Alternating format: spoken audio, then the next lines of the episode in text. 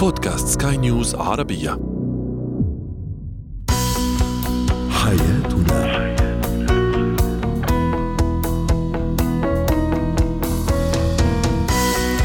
مستمعينا الكرام أهلا بكم إلى برنامج حياتنا برنامجكم اليومي الذي يعنى بشؤون الأسرة وباقي الشؤون الحياتية الأخرى والذي يمكنكم الاستماع إليه عبر منصة البودكاست لسكاي نيوز عربية معي أنا طيبة حميد.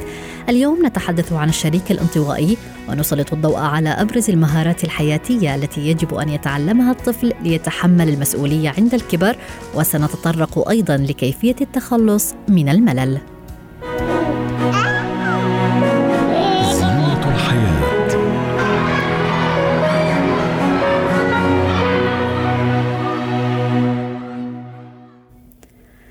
المفيد أن يبدأ الطفل بتعلم مهارات الحياة منذ نعومة اظفاره وأن تتطور لديه هذه المهارات كلما كبر. فكلما اكتسب مزيدا من هذه المهارات ازداد إحساسه بالمسؤولية عند الكبر.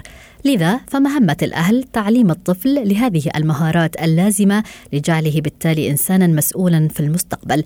للحديث عن هذا الموضوع تنضم لنا الخبيرة التربوية داليا قنديل. أهلا بك أستاذة داليا. يعني يحتاج الأهل بالتأكيد لبذل مزيد من الوقت والجهد لتعليم الطفل مهارات الحياة المختلفة. ولكن دعينا نتحدث في البداية عن أبرز المهارات التي يجب أن أحرص على تعليمها لطفلي نعم. أهلا وسهلا بك. أهلا بك. آه بالبداية آه، نركز على نقطة كثير مهمة هي إنه يكونوا الوالدين قدوة لأطفالهم لأنه الأطفال بيتعلموا عن طريق النمذجة. يعني أحيانا هم الأطفال بيكتسبوا منا مهارات إحنا عم بنمارسها بحياتنا اليومية بصورة تلقائية ولكن هم بيقلدوها. يعني بتصير هي بالنسبة لهم عادة مكتسبة من البيئة ال- المنزلية. من وجهة نظري من أهم ال- ال- النقاط التي أو من أهم المهارات التي يجب أن نعلمها للأطفال هي مهارات التواصل الاجتماعي. كل ما كان الطفل عنده قدرة على التواصل مع الآخرين كل ما كان عنده قدرة على اكتساب مهارات بشكل أكبر وأوسع بصير يتعلم من الآخرين مهارات آه، معينة. نعم يعني هل. نبدأ مثلا مع الطفل بفن إجراء الحوارات الودية القصيرة؟ نعم. نعم إجراء الحوارات الودية داخل المنزل آه، إنه نخليه هو آه، صانع القرار بنفسه عدم التدخل بجميع الشؤون التي تهم أو تخصه آه، نخلي عنده حرية الاختيار هذه الأمور جميعها بتخلي الطفل عنده قدرة على إنه يكتسب مهارات أخرى بصورة تلقائية مهم. أيضا مثلا إذا الطفل ناخذ مثال بسيط يحتاج إلى لعبة معينة بسن معين بنخليه يبدأ إنه هو مثلا يحوش حق أو سعر اللعبة اللي هو بيحتاجها وبنجيب له إياها من فلوس. هيك إحنا بنعلمه مثلا القدرة على الاداره, المالية إنه يكون عنده قدرة على إنه يكون عنده آه، الإدارة المالية المستقبلية والمهارات الإدارية آه، وأيضا المهارات الاقتصادية. آه، مثلا طفل سقط على الأرض. أنا ما بقوم سريعا إنه بشكل مبالغ فيه أوفر له الحماية الكاملة. بخليه عنده قدرة على إنه يقوم بنفسه ويكون عنده قدرة على إنه يعني يتخطى المشكلات بنفسه أيضا إذا كان في هناك قرارات منزلية إحنا بنشرك الطفل فيها إنه يكون أيضا صانع قرار. هذه المهارات جميعها ومهارات آه، طبعا آه، آه، أخرى مثل إنه مثلا يكون هو بيختار بيختار ملابسه بنفسه بيختار ألعابه حتى لو كان إحنا الشيء مثلا نوعا ما ما بيرضينا مثلا ذوقه ما بيعجبنا ولكن بنخليه آه، هو اللي بيختار. يعني هل لو قام مثلا الأب أو الأم بمهام تنظيف المنزل هل يجب إشراك الطفل في هذه المهام أيضا؟ نعم تماما. هلأ الطفل لازم يكون شريك في العملية. ليس من باب بعض الأهل بيعتقدوا انه هذا الشيء آه، تهكم للطفل أو حتى إنه ممكن آه، يعني إنهم يأذوه أو ممكن إنه يكون برفض لا إحنا بنعملها بمبدأ التشاركية. يعني مثلا الأم بتوزع مهام معينة بتتناسب مع عمر الطفل. يعني مش نروح نروح نعطيه مهام أكبر من عمره ممكن ينأذي منها ولكن إحنا بنعطيه مهام بسيطة إنه مثلا إذا وسخ آه، مكانه ينظفه يلم ألعابه إذا هو كان مكانه هو عم بيلعب بس ينتهي إنه يضب ألعابه آه، بس يغير إنه يحط الملابس النظيفة في مكانها والملابس الغير نظيفة في مكانها. مثل هاي الأشياء البسيطة جميعها بتعلم الطفل ال- ال- إنه يكون عنده قدرة على تحمل المسؤولية وبالتالي تتطور معه بكل مرحلة من مراحل العمر اللاحقه جميل. طيب يعني متى نبدأ بتعليم الطفل لهذه المهارات؟ وأيضا كيف يمكن أن نحافظ نحن على استمرارية تعليمه حتى نهاية مرحلة الطفولة؟ تماما. هلأ بشكل عام أنا بوجهة نظري إنه ما في سن ببدا لأنه الأطفال بتعلموا من مجرد ما إنه وعي على الدنيا بصير عنده قدرة على إنه آه، يتعلم مهارات مثل مثلا لما يكون طفل رضيع لما يبكي مثلا آه، كيف نوفر له الاحتياجات مثلا كيف متى نوفر له الرغبات وما إلى ذلك. ولكن بشكل دقيق نبدأ لما نشوف الطفل عنده الاستعداد. يعني مثلا لما أحكي لك إنه مثلا بعمر ثلاث سنوات ممكن طفل عنده استعداد بوقت أبكر هذا الشيء يعني يعتمد على القدرات عند الأطفال ولكن بشكل عام خلينا نكون يعني نعطي عمر معين نبدأ من عمر سنة. جميل. أو لما الطفل يبدأ يحبي يعني مثلا نحكي من سن ست أشهر لسنة إنه بهاي لما الطفل يبلش إنه يحبي يصير يقدر يوصل لألعابه بنخليه إنه إحنا بنحطه مثلا بمكان بعيد وهو يصير إنه بده يوصل لمكان اللعب هذا الشيء أيضا بيعلمه إنه يكون عنده قدرة على تحمل المسؤولية بشكل مبكر. ولو بدنا نتحدث عن جميع الأطفال بجميع الأعمار بنبلش من ثلاث سنوات. نعم يعني وما مدى إمكانية المحافظة على آه، استمرارية تعليم الطفل؟ استمرارية تعليم الطفل بتكون إذا كان في مبدأ التشاركية ومبدأ إنه العادات موجودة بالأصل عند الأهل. يعني أنا مثلا كيف بدي أعلم طفلي مهارة معينة؟ هي أصلا مش موجودة عندي. يعني أنا مثلا كأم مبذرة كيف بدي أجي أنصح أطفال يكونوا هم اقتصاديين أو حتى آه، مثلا بيكون عندهم الإدارة المالية. نعم. أو مثلا أنا أم غير مرتبة كيف بدي أطلب من أطفالي إنهم يكونوا مرتبين؟ فالعمليه هي تبدأ من من من الوالدين في المنزل والنظام المنزلي وتستمر كنمط حياة لاحق ومثل ما بنحكي lifestyle للأطفال بشكل لاحق. شكرا لك على جميع هذه التفاصيل الخبيرة التربوية داليا قنديل. هو وهي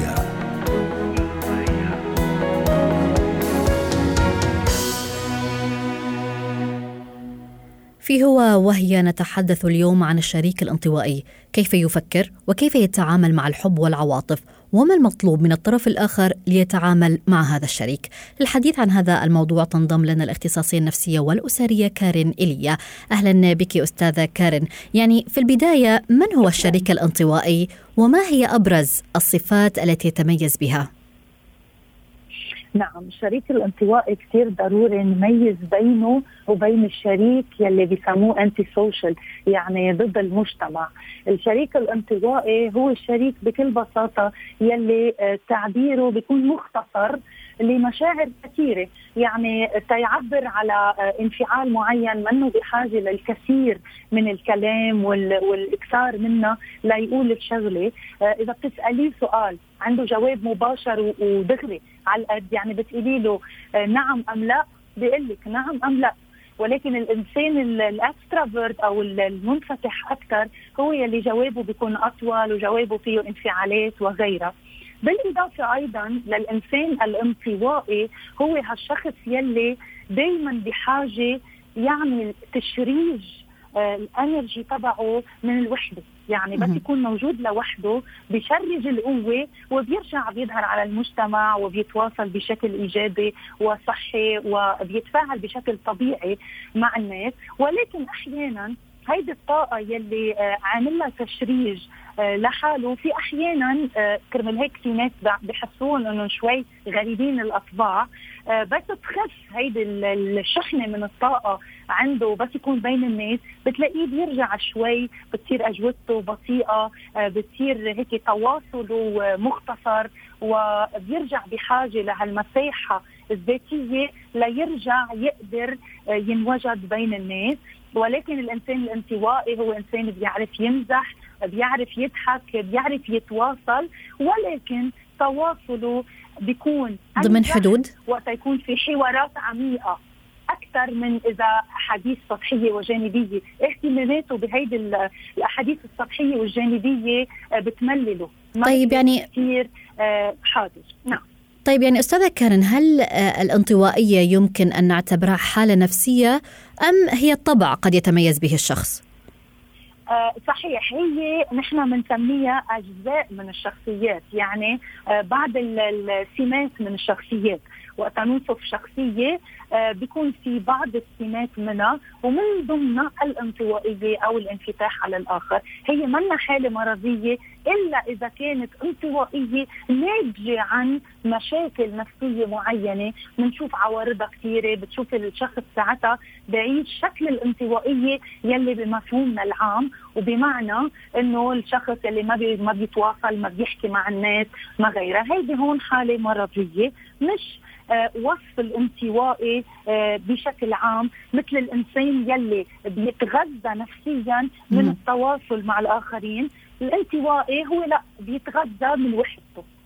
طيب هل يمكن أن ينجذب هذا الشخص الانطوائي بشخصية منفتحة ومختلفة مثلا؟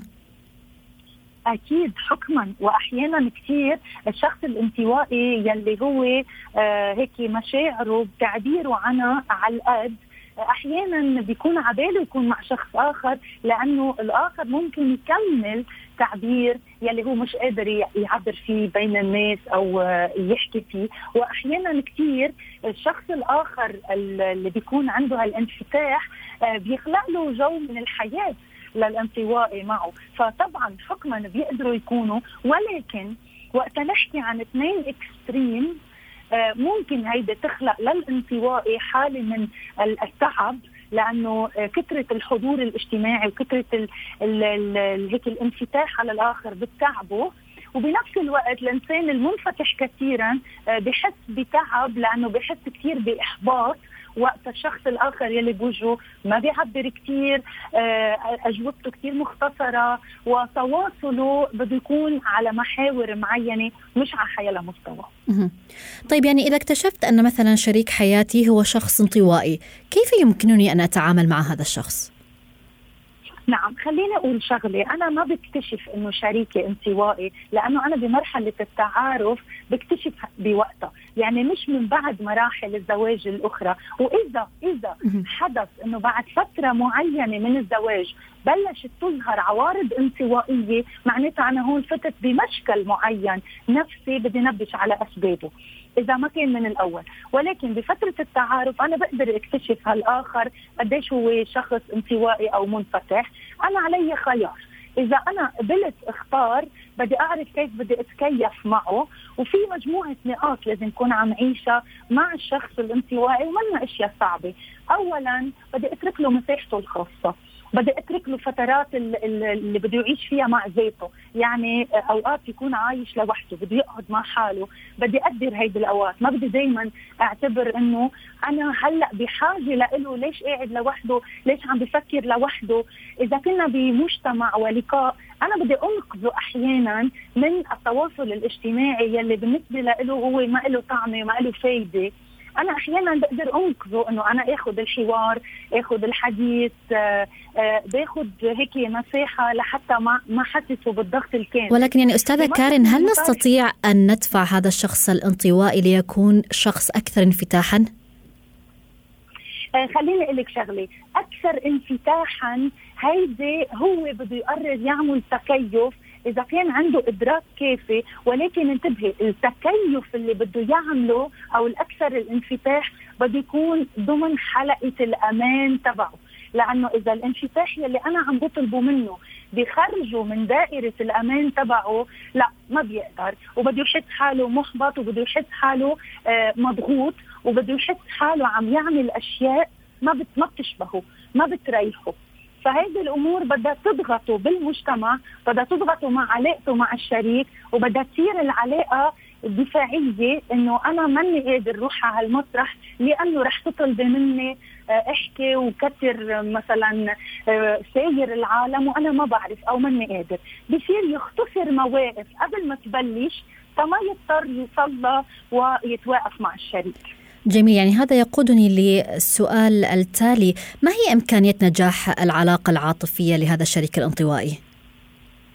آه كثير كثير هينة نقدر ننجح مع حيلا شخصية مع حيلا طبع إذا بنقدر وحكما إذا ما عم نحكي هون عن شخصية مرضية قادرين نتكيف معه إذا فهمنا كل الطيات والخبايا تبع هيدي الشخصية، أنا وقت اللي أفهم إنه شريكي مثلا مقل بالكلام أنا ما بقدر ضل أنطر منه يحكي. لأنه إذا بدي ضل أنطر منه كلام وأحاديث ومسايرة أنا بدي فوت بصراع.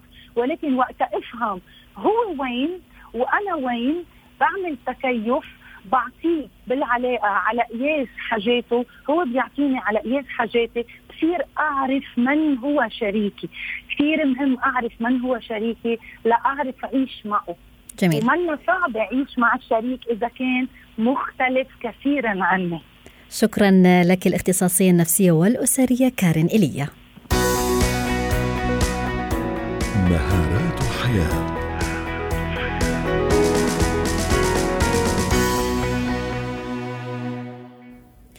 حديثنا الآن عن الملل هذا الشعور الذي يصيب الشخص ويسبب له انزعاجا وصعوبة في ممارسة حياته بشكل طبيعي.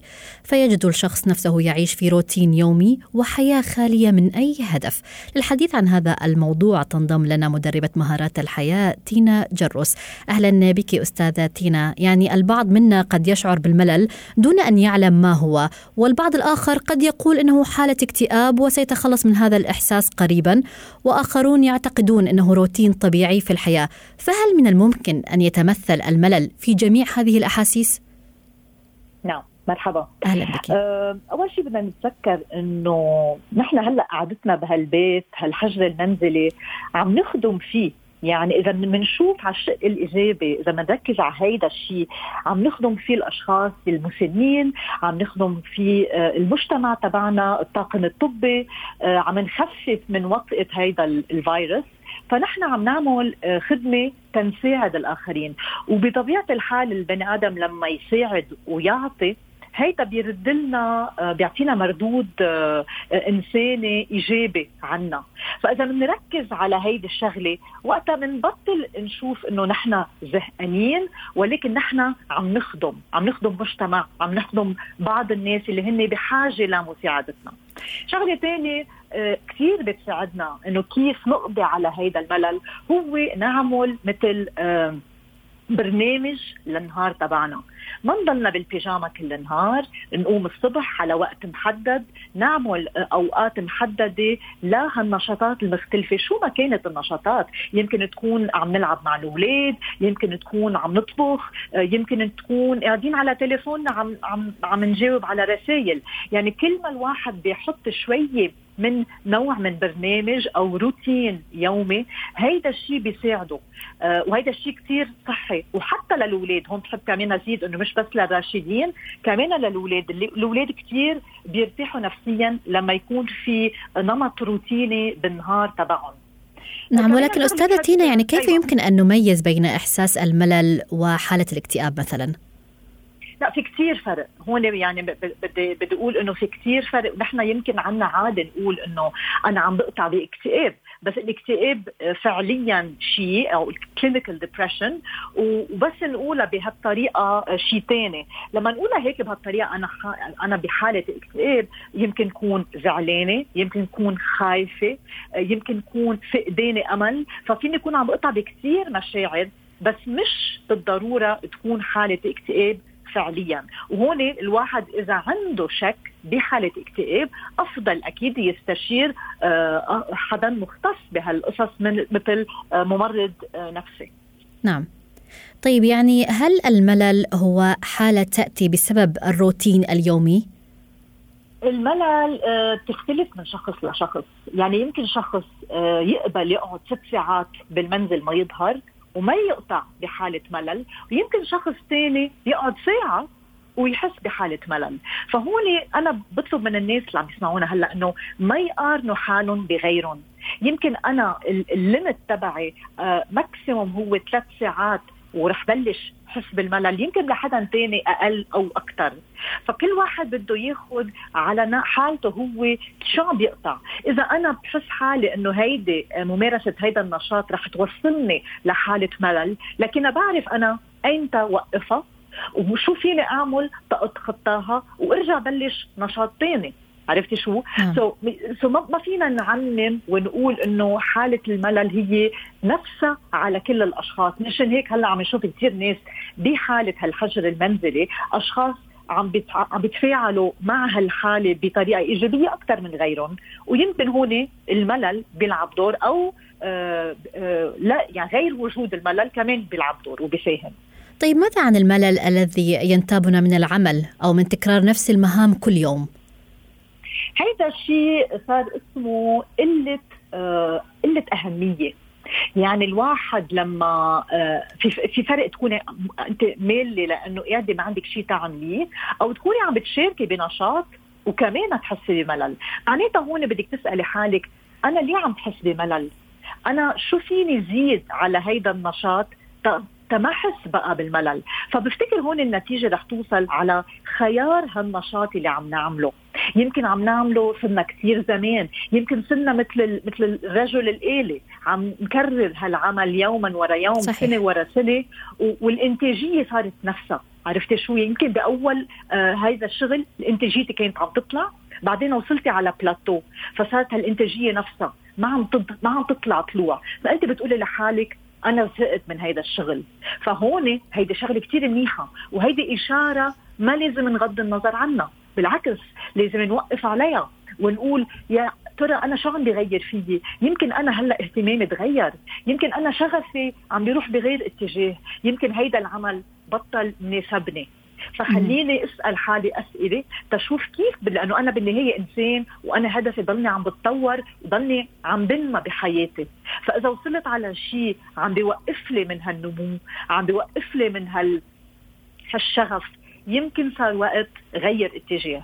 جميل. طب اليوم أغلبنا يعاني من العزلة الاجتماعية بسبب وباء كورونا. ما هي النصيحة التي نقدمها لكل من يعاني من الملل؟ نعم. هون أول شيء بحب أقول أنه يا ريت الشخص بيقدر يغير اتجاه المنظار يعمل شفت للتركيز تبعه. ما نشوف إنه هيدا شيء عاطل هيدا مستمر ل لاخر الدنيا مش مزبوط. كلنا بنعرف إنه بعد فترة الحياة رح ترجع طبيعية. فخلينا نركز على الأشياء اللي نحن عنا السيطره عليها. مش على الأشياء اللي ما عنا سيطرة عليها. ما بقى نسأل هل يا ترى المدارس رح تفتح ولا لا؟ ما بقى نسأل هل يا ترى رح سافر بهالصيفية ولا لا؟ إذا شيء ما عندي جواب عليه أفضل ابتعد عنه تأحمي حالي الاشياء اللي عندي سيطره عليها ركز عليها أنا هلأ شو فيني أعمل؟ تغذي المستقبل القريب تبعي. نعم. أنا هلأ شو فيني أعمل؟ تخطيط. حتى لما تخلص فترة الكورونا كون أنا جاهزة ترجع مارس نشاطاتي إن كانت الشخصية الاجتماعية أو حتى العملية. فبالعكس نستفيد من هالفترة هلأ. جميل. شكرا لك. يفكر شو المهم عنده ويقدمه لقدام. أكيد. شكرا لك مدربة مهارات الحياة نجروس إلى هنا نأتي وإياكم مستمعينا الكرام إلى ختام برنامج حياتنا غدا حلقة جديدة. حياتنا.